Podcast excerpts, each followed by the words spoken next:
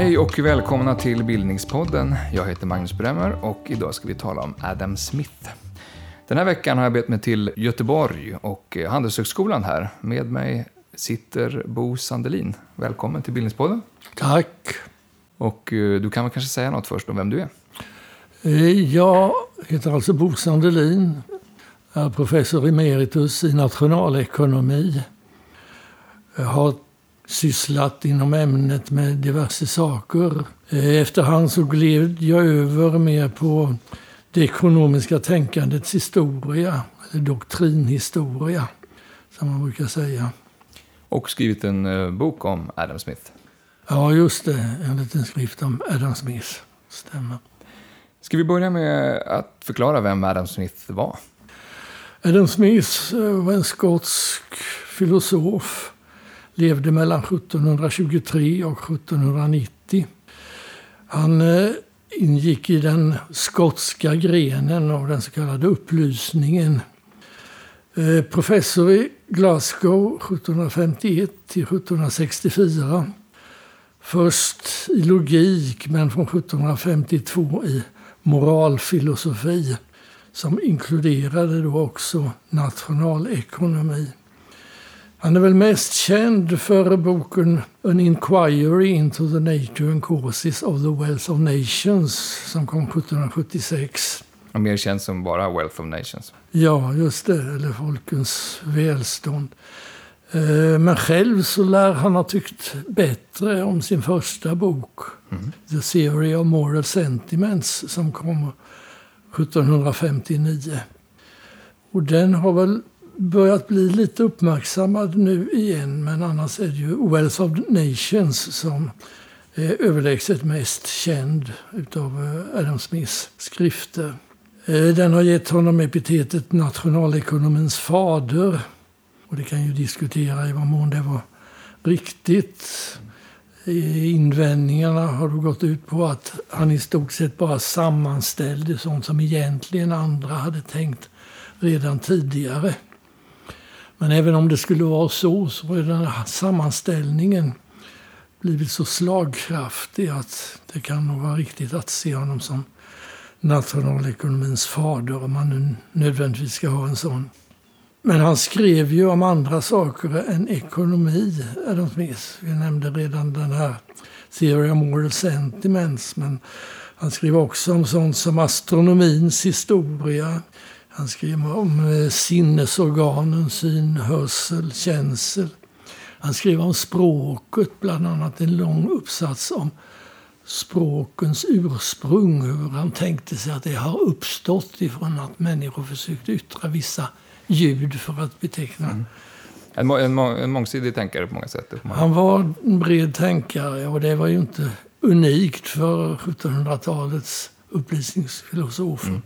Men nu spelar du ner lite grann det här att han kallas för nationalekonomins fader. Men går det att säga någonting om, om hur inflytelserik Wealth of Nations ändå blev för liksom, det ekonomiska tänkandet? Ja, den brukar ju betraktas som grunden för den så kallade klassiska skolan i nationalekonomin. Som sen fick efterföljare som Richard Ricardo, John Stuart Mill och hans fader James Mill, Thomas Malthus, och så vidare fram till eh, ekonomer på 1870-talet. Cairns brukar betraktas som den sista på 1870-talet. Det vill säga en skola som levde ungefär i hundra år. Eh, inte ensamdominerande under hela tiden, men eh, ändå hade den inflytande. Mm. Och även en sån som Karl Marx läste Adam Smith och inspirerades? Eller? Ja, det gjorde han. Och han eh, hyser ju stor aktning för Smith. Däremot finns det ju en del andra då som han kallar för vulgärekonomer.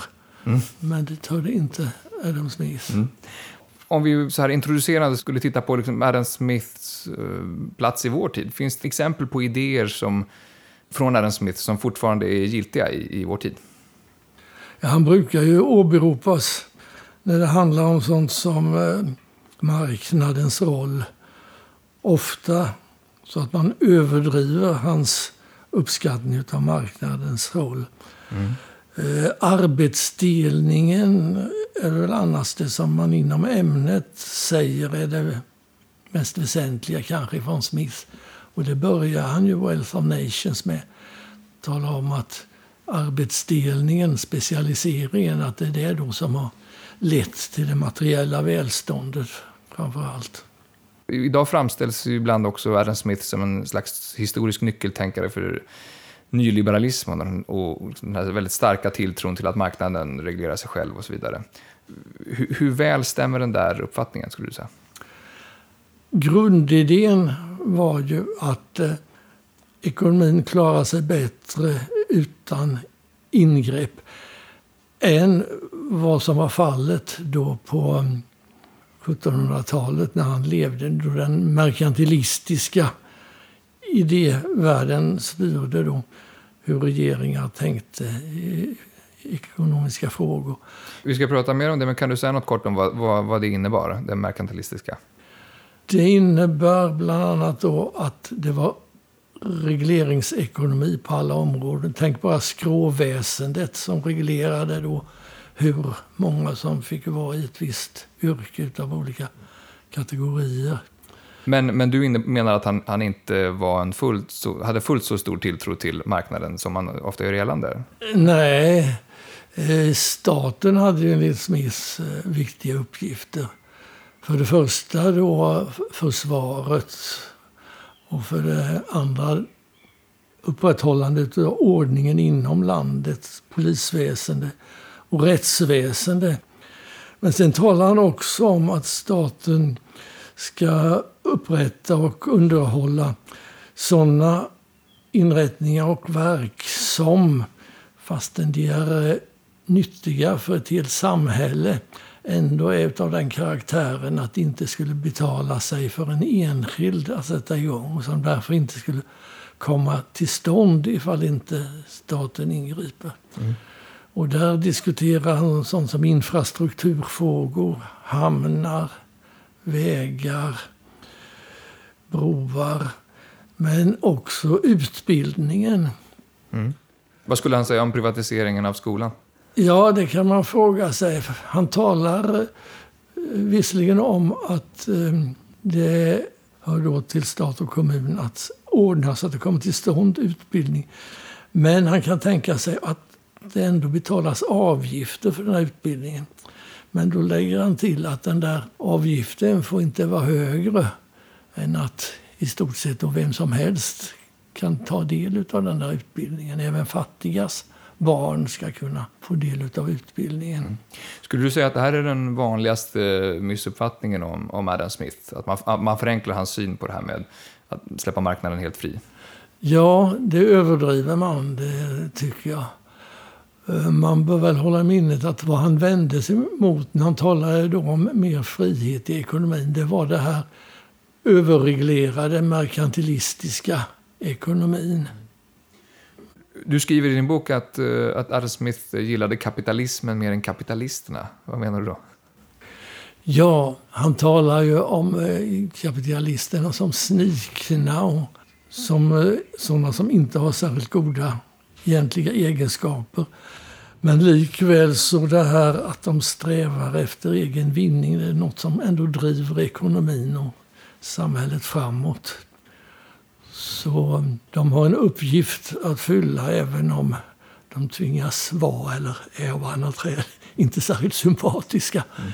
Vi ska eh, fördjupa oss ordentligt i The Wealth of Nations eh, lite längre fram i samtalet här. Men om du helt kort skulle bara förklara vad Adam Smiths idé om den osynliga handen, som väl är hans mest kända eh, begrepp och eh, idé någonstans, kort går ut på? Ja, i Welcome Nation, Nations, som är ett av de ställen där han tar upp det, där går den ut på då att när var och en strävar efter sin egen största vinst så maximeras också samhällets totala inkomst. Det kan man väl säga är kortfattat. Mm. Men samtidigt så vill man ju säga att eh, det där uttrycket det förekommer en enda gång i Wealth of Nations. Mm. Sen förekommer det en gång också i Theory of Moral Sentiments med något annorlunda betoning. Och i någon text om astronomi? Eller? en text av astronomins historia, ja. Vad är det för osynlig hand som griper in där? Jo, där talar han då om eh, den gamla synen på sånt som eh, vädret och eh, naturlagar. Om något väger någonting, om man släpper det ner så faller det utan problem ner. Men så finns det ju då undantag som inte då sker så att säga med hjälp av sin egen inneboende natur. Och det kan då vara sånt som åskväder och eh, blixtar och sånt där. Då så tänker man sig att där finns något, eller inte han utan när han refererar de gamla romarna, att där fanns då någon Guds hand i bakgrunden. Men som sagt, för de här normala sakerna, som att en kropp faller om man släpper den, där krävdes inte Jupiters osynliga hand, säger han. Mm. Okej, okay, så det, det, är någonting annat än naturlagarna, men som ändå är en, en, liksom, en, en, styrande kraft någonstans? Ja, just det. När allt gick normalt så behövdes inte Gudens styrande hand. Eh, men om, eh, skulle du vilja berätta lite grann om var Adam Smith kom ifrån? Han kommer ifrån staden Kirkcaldy i eh, Skottland. Eh, ungefär 15 kilometer norr om Edinburgh. Och eh, hans far var tulltjänsteman men dog några månader innan Adam föddes.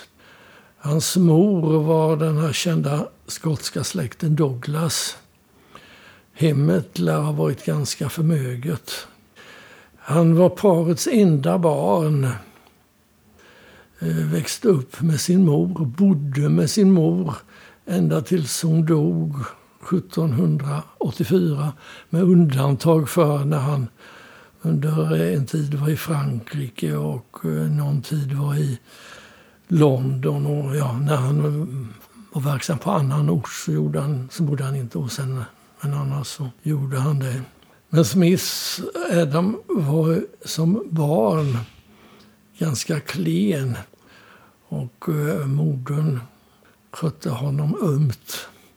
Ansågs inte kunna vara med i andra barns våldsamma lekar till exempel. Mm. Utan blev då innesittare och läste. Lite överbeskyddad kanske? Ja, just det. Det kanske i och för sig hade positiva effekter på ekonomihistorien. Det, det kan det ha haft, ja. Det finns någon sån här eh, historia som ofta nämns i biografier över Adam Smith. Eh, att han blev bortrövad som treåring. Ja, det finns eh, en episod om det. När de var inåt landet vid det tillfälle hos en morbroder och Adam var ensam ute och lekte så försvann han plötsligt. Och då visade sig att det var ett sällskap som hade ja, kidnappat honom helt enkelt. Vad vet du om sanningshalten i, i den där historien? Ja, det finns ju ett par varianter av den. så att, eh, att han försvann på ett eller annat vis är väl tämligen säkert belagt så vitt jag förstår. Men finns det varianter om hur han eh, så säga, tog tillbaka eller räddades? Ja, enligt en variant så eh, jagade man ifatt det där sällskapet. Enligt den så kom man på en kvinna som bar på Adam och slängde honom i marken och sprang iväg när sällskapet kom ikapp. Enligt den andra versionen så finns inte den här kvinnan med. Men man har nu ikapp sällskapet ändå. Hans personlighet, så finns det beskrivningar av den? Klen och sjuklig var han under hela livet. Han led av svår hypokondri som vuxen. Trodde att han skulle dö ibland. Och det förlamade ju periodvis hans verksamhetsförmåga.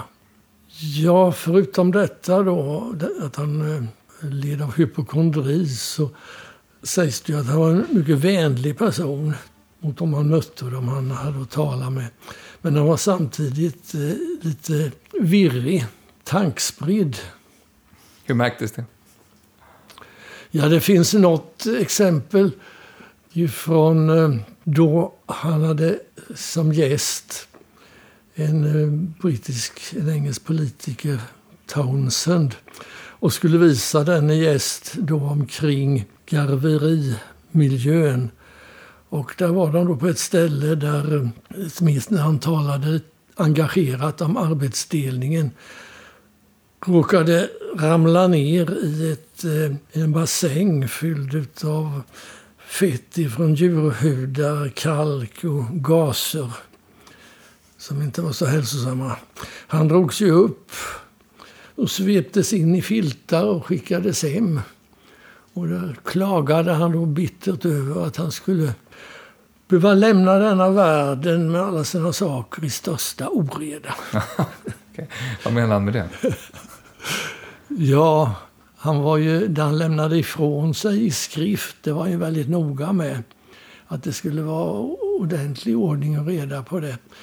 Så ett annat ut, ett uttryck för detta det är ju det att när han låg för döden så beordrade han då sina vänner, som också var läkare, att eh, elda upp hans opublicerade manuskript med något eller ett par undantag.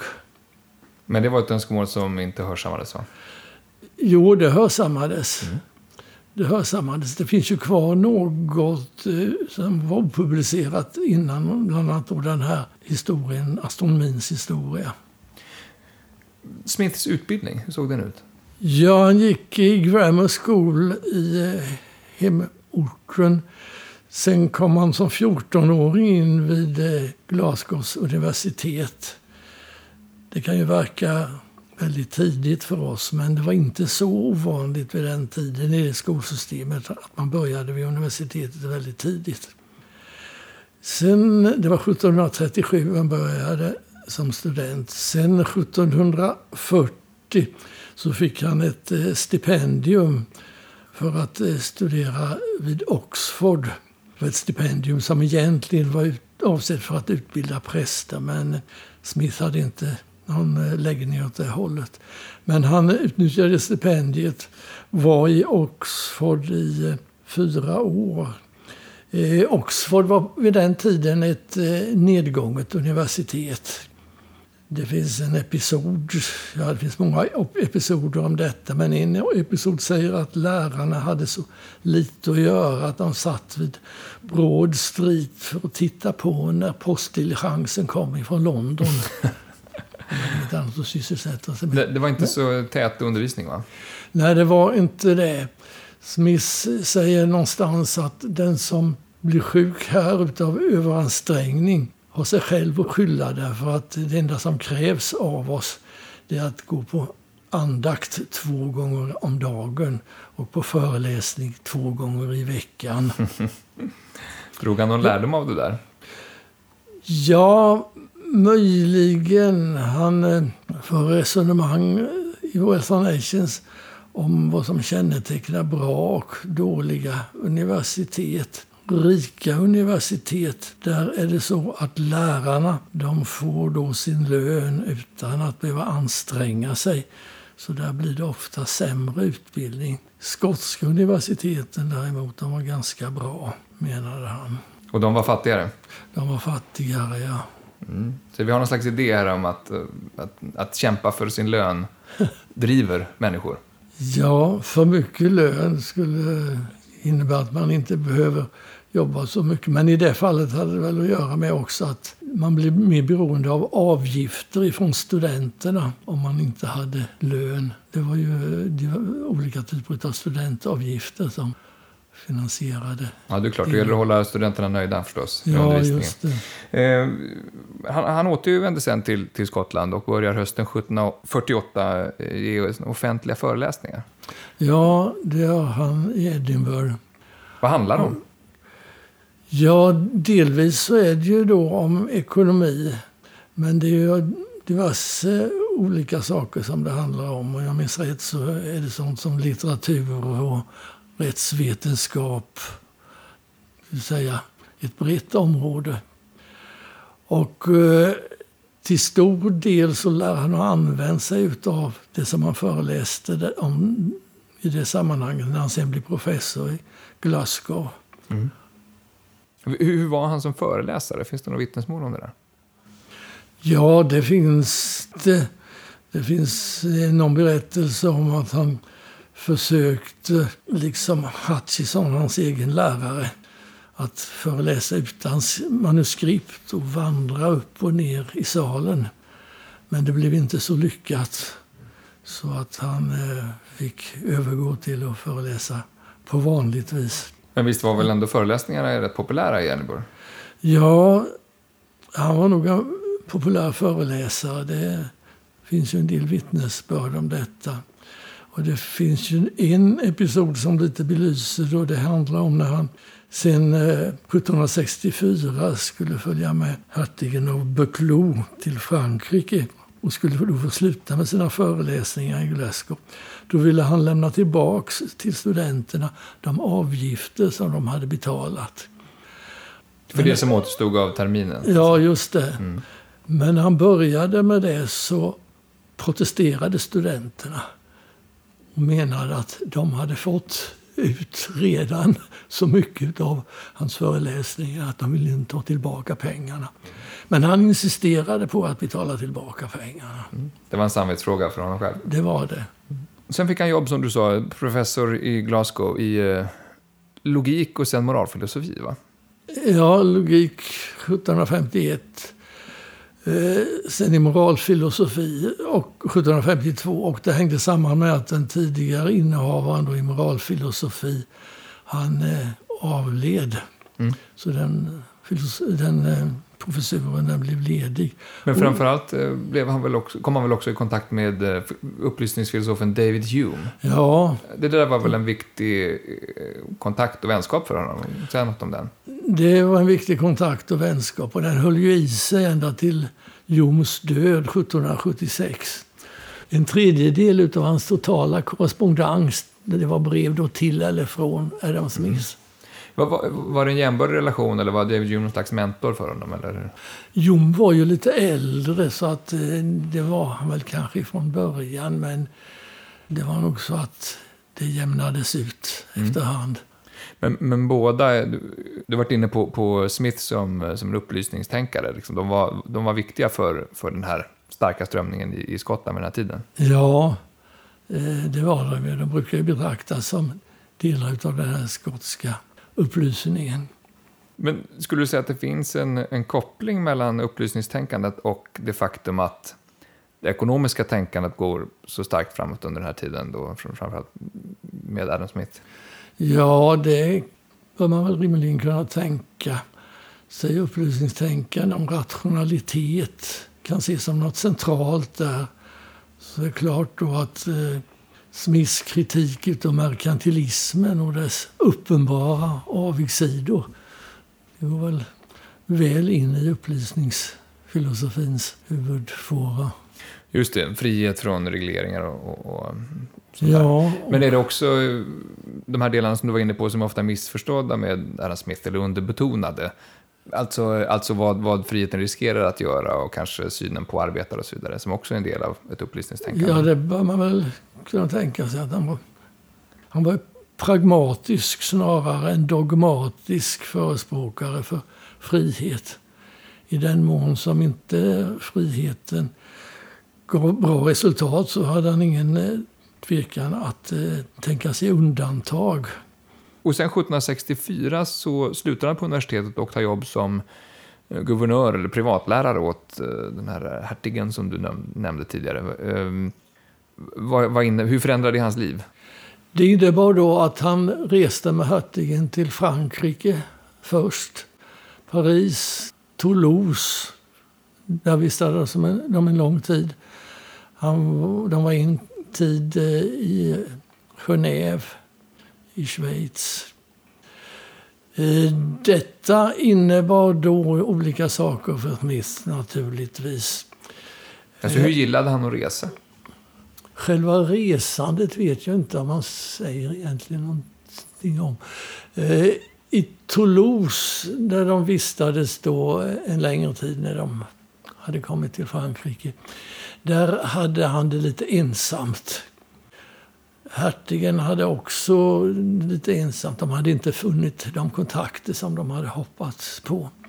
Så då skriver Smith i ett brev till Jom att han har börjat med att författa en bok för att fördriva tiden. Och det var ju det som blev sen då Wealth of Nations. Så det är tristessen i Toulouse som vi lite grann har tacka för att det blir en bok? Det har vi nog lite grann. Mm. Sen så var det väl inte så att han började ifrån scratch där. Det finns ju inslag i Wealth of Nations som man menar eh, var mer eller mindre utarbetade mm. långt tidigare.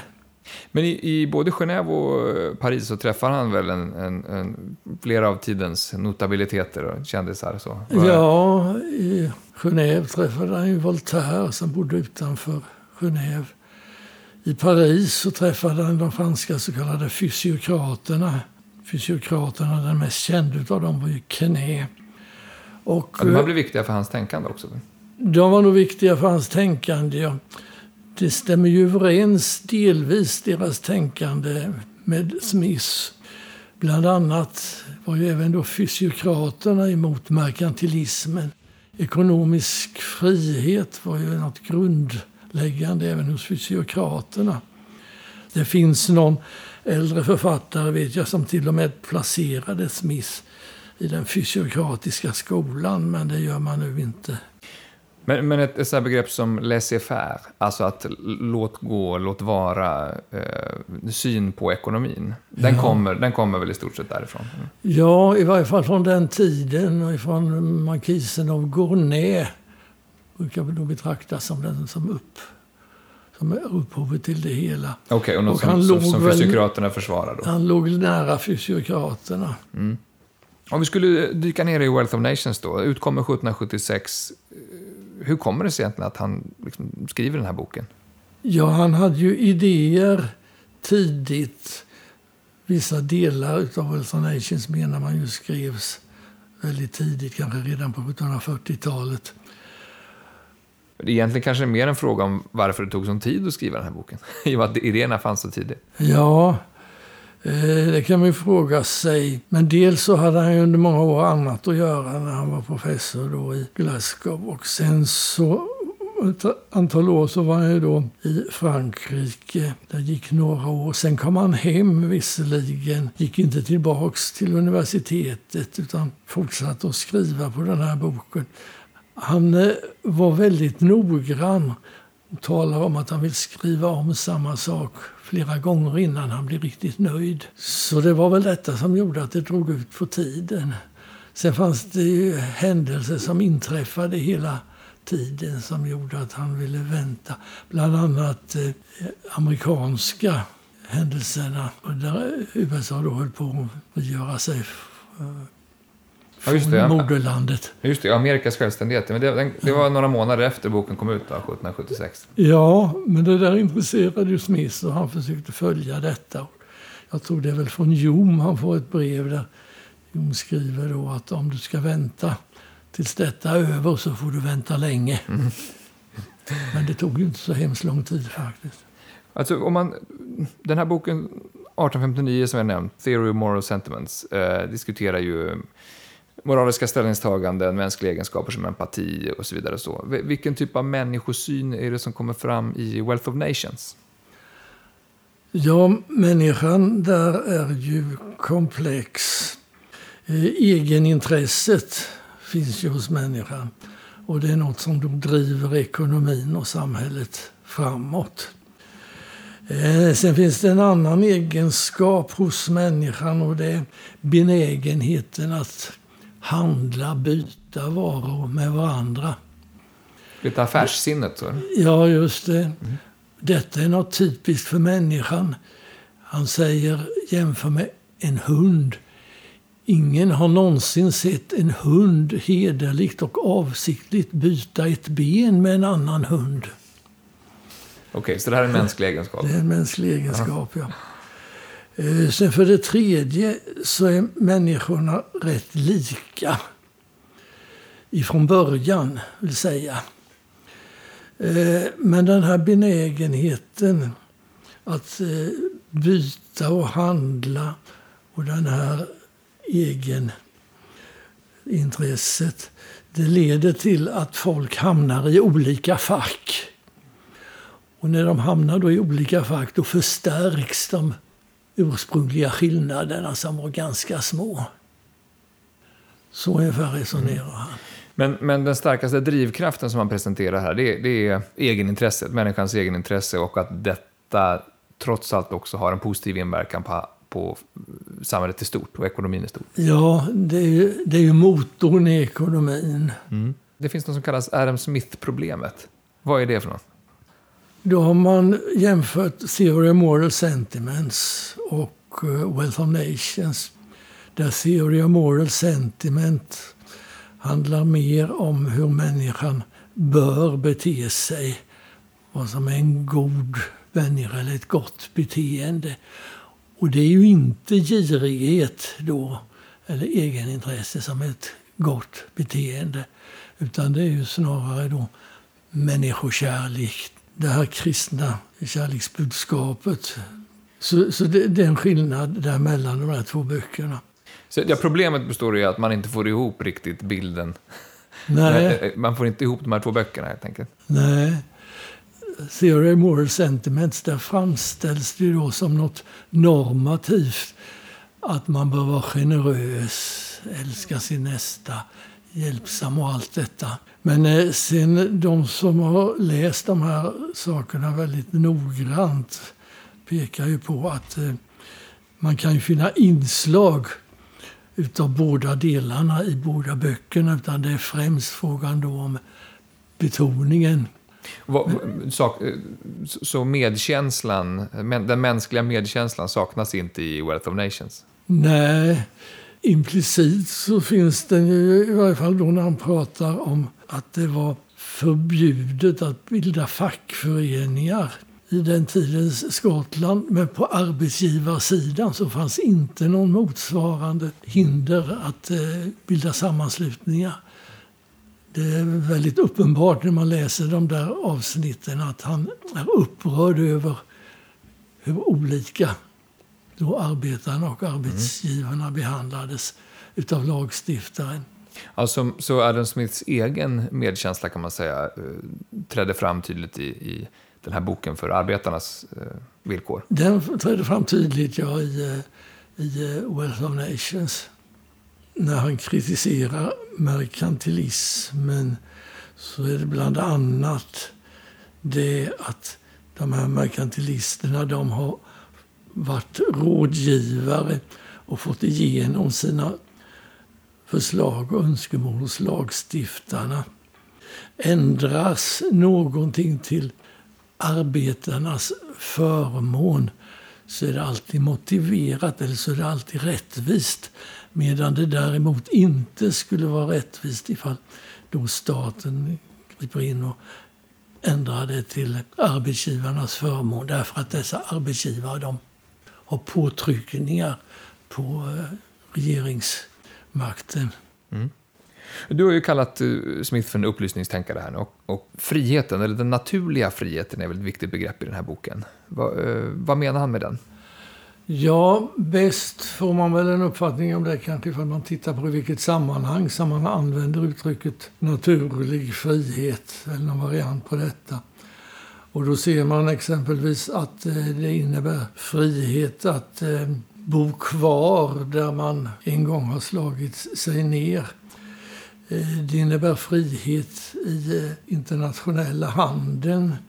Men ibland, säger han, så har lagarna i ett land gjort detta till något brott fast det i sig då egentligen inte skulle vara något brott. Det innebär frihet i den inhemska handeln. Sen förekommer ju ställen där han talar om det i den meningen att något är en naturlig frihet men bör ändå inte få slå igenom. Man bryter mot den naturliga friheten men det är ändå motiverat att göra det i de fall då det är bra för samhället som helhet. Mm. Okay, så att inte släppa fram den naturliga friheten. Så, så, grundregeln är att människor ska få handla fritt och av eget intresse, ja. Eh, eh, men att man ibland måste reglera det? Då. Ja. Men hur menar han att det här egenintresset i sig verkar för det allmännas bästa, som väl är en grundläggande tanke här? egenintresset driver ju fram produktion av varor och tjänster. Det är ju fundamentalt att sådant finns. Mm. Så friheten är en drivkraft? Ja, friheten blir då motorn. Friheten och dess e-, egna intresse som utnyttjas då via friheten. Det blir maskineriet som driver fram produktionen. Hur kommer den här metaforen eller begreppet den osynliga handen in i hans eh, argumentation här? Ja, ska vi ta och titta på ett exempel? Ja, gärna. Eh, och då tar jag från den svenska översättningen av Folkens välstånd.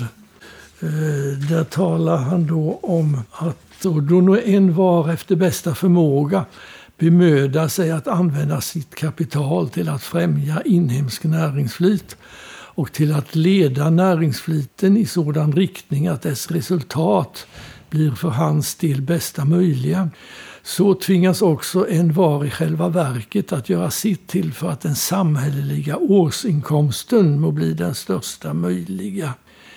Visserligen har den enskilde gemenligen ej för avsikt att befordra det allmänna bästa. Icke heller förstår han hur mycket han befordrar det.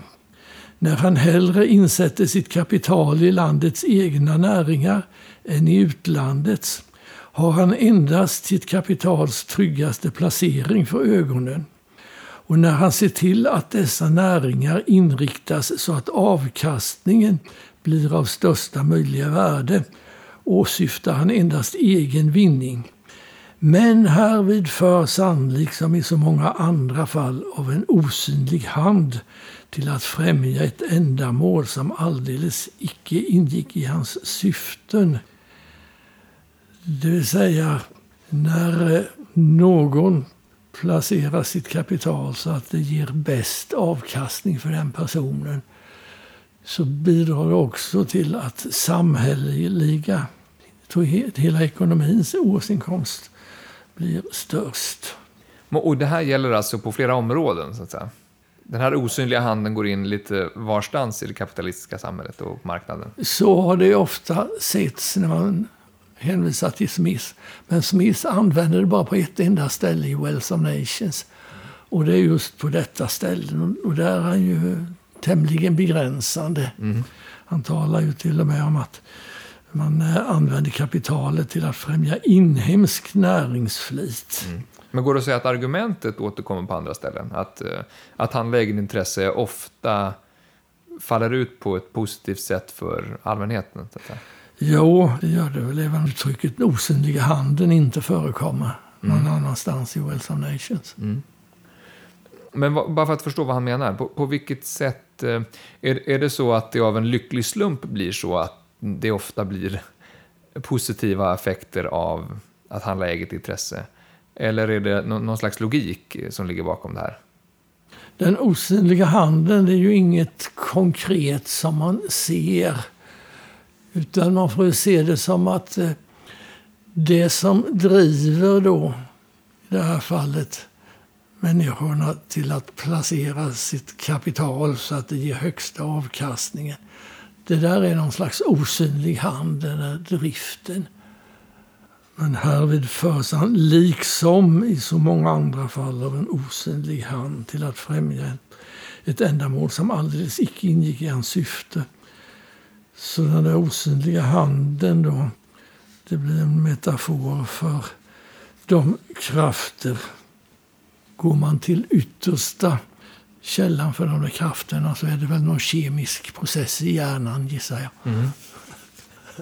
Så det är nästan, apropå, apropå att han använder den osynliga handen i, i en text om astronomi, att det är nästan någon slags irrationell naturlag som gör att det här funkar ekonomiskt, att egenintresset stimulerar marknaden och, och har positiva effekter. Ja, men han är som sagt inte främmande för att ingripa när det inte fungerar. Mm. Men, men om man ska titta på vad, vad Adam Smith placerar staten i den här ekvationen? Så var ska staten hålla tassarna borta och var ska staten lägga sig i någonstans? Ja, staten ska för det första ombesörja försvaret. Och så ska den svara för polisväsende och rättsskipning. Det är sånt som man tillskriver även den så kallade nattväktarstaten, de här uppgifterna. Vad menar man med det? Nattväktarstat? En stat som är eh, minimal i sitt agerande. Men staten ska också då, för det tredje, upprätta och underhålla sådana offentliga inrättningar och verk som, ehuru de är i högsta grad nyttiga för ett stort samhälle, likväl är av den natur att de aldrig kan betala sig och gå med vinst för en enskild eller ett litet antal enskilda och som därför inte kan väntas komma till stånd på enskild väg. Mm. Nu citerar du Smith, ska vi säga. Nu citerade jag Smith, ja. Och här diskuterar han då sådana nyttigheter som vägar, hamnar, bryggor, kanaler, postväsende, undervisningsväsende och så vidare. Okej, okay, och, och, finns det ytterligare områden som, där, där staten ska ha huvudansvar? Ja, det finns en del spridda statsingripanden som man talar om. Eh, exempelvis så kan man finna det lämpligt med tullar och andra regleringar ifall det gynnar de inhemska intressena. I ett sådant fall föreligger när en verksamhet är nödvändig för landets försvar. Då kan det vara motiverat för tullar. Men det är i stort sett det två, det är två huvudanledningar här till varför staten ska gå in. Det är dels då verksamheter som inte är så inkomstbringande och dels för att trygga nationella intressen, eller? Ja, det kan man väl säga. Om vi skulle ta det här eh, tanken om arbetsdelningen, som ju uppenbarligen är väldigt viktig i den här boken, och också lite tvetydiga. Vad, vad, eh, dels vad menar han med specialisering? Det finns ett exempel hos honom som brukar åberopas väldigt ofta och som finns i början av Wealth of Nations. Och det handlar då om en knappnålsfabrik där upp, arbetet är uppdelat på väldigt många moment. Någon drar ut tråden, någon klipper av den till lagom stora längder för att göra nålar. Nål, någon sätter på huvudet, någon slipar nålen.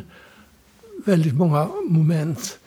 Och det, där, det, det är en effekt av industrialiseringen då helt enkelt? Ja, och det gör ju också då att eh, man per tidsenhet med en viss insats producerar många fler knappnålar än om samma person skulle göra alla momenten i följd. Eh, det är ett exempel hos honom. Mm. Och det, det där menar han främjar? Det främjar produktionen och effektiviteten? Och så det främjar effektiviteten. Han talar i det sammanhanget om att eh, det är arbetets delning som har bidragit då till den välmåga som man ser ända ner i folkets lägsta lager. Men, men sen kommer då i slutet av boken en passage som sätter den här arbetsdelningen i helt annan dager. Vad, vad han skriver där? Ja, där talar han då om att den här specialiseringen, det utarmar ju människorna själsligt och kroppsligt. Varför då? Den som ska upprepa samma moment hela tiden, den förlorar ju förmåga att göra andra saker än just detta. Den förlorar förmågan till och med att eh, vara soldat. Den förlorar förmågan att kunna delta i ett förståndigt samtal, säger Smith. Den kan bara utföra då det här momentet. Så det är inte bara känslan av meningslöshet, att man sitter med en, man ser inte helheten så att säga. Man får inte tillverka någonting från ax till limpa. Utan det är också att det begränsar ens förmågor att utföra det här. Ja, det gör det. Och eh, detta, säger han, det är då det som drabbar de fattiga arbetarna. Om inte staten bidrar till att eh, motverka det. Och där tänker han sig då utbildning, undervisning, att det är väsentligt. Det kan vara ett motverkande moment som inte leder till den här själsliga, kroppsliga utarmningen. Så, så specialisering riskerar att bli ett folkbildningsproblem om inte staten griper in? Ja, det kan man säga. Det han säger här då i slutet av boken är ju en helt annan bild än den man får när man läser i början där han talar om arbetsdelningen som det som har i ett välmåga ända ner till folkens lägsta lager. Vill man vara välvillig, tolka Smith välvilligt, så kan man väl säga kanske att i början då så koncentrerar han sig på just den materiella välfärden, materiella eh, produktionen, medan han då i slutet vidgar synen och tar in då även alienationsproblemet. Mm. Men det, det, han kommenterar aldrig den här motstridigheten i, i, i, boken? Nej, inte vad jag har sett. Det tror jag inte han gör någonstans. Och det kan väl också kanske hänga samman delvis med att den här Wealth of Nations den skrevs ju under väldigt lång tid.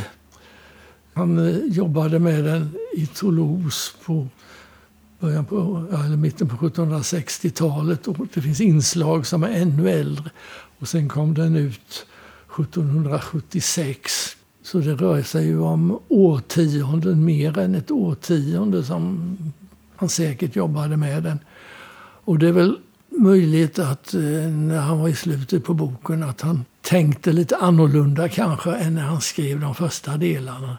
Alla förändras väl i sin syn på många mm. saker under hand som tiden går. Hur menar du att hans syn skulle ha förändrats här? Och I vilken riktning så att säga? Att han skulle ha blivit mer humanistisk mot slutet.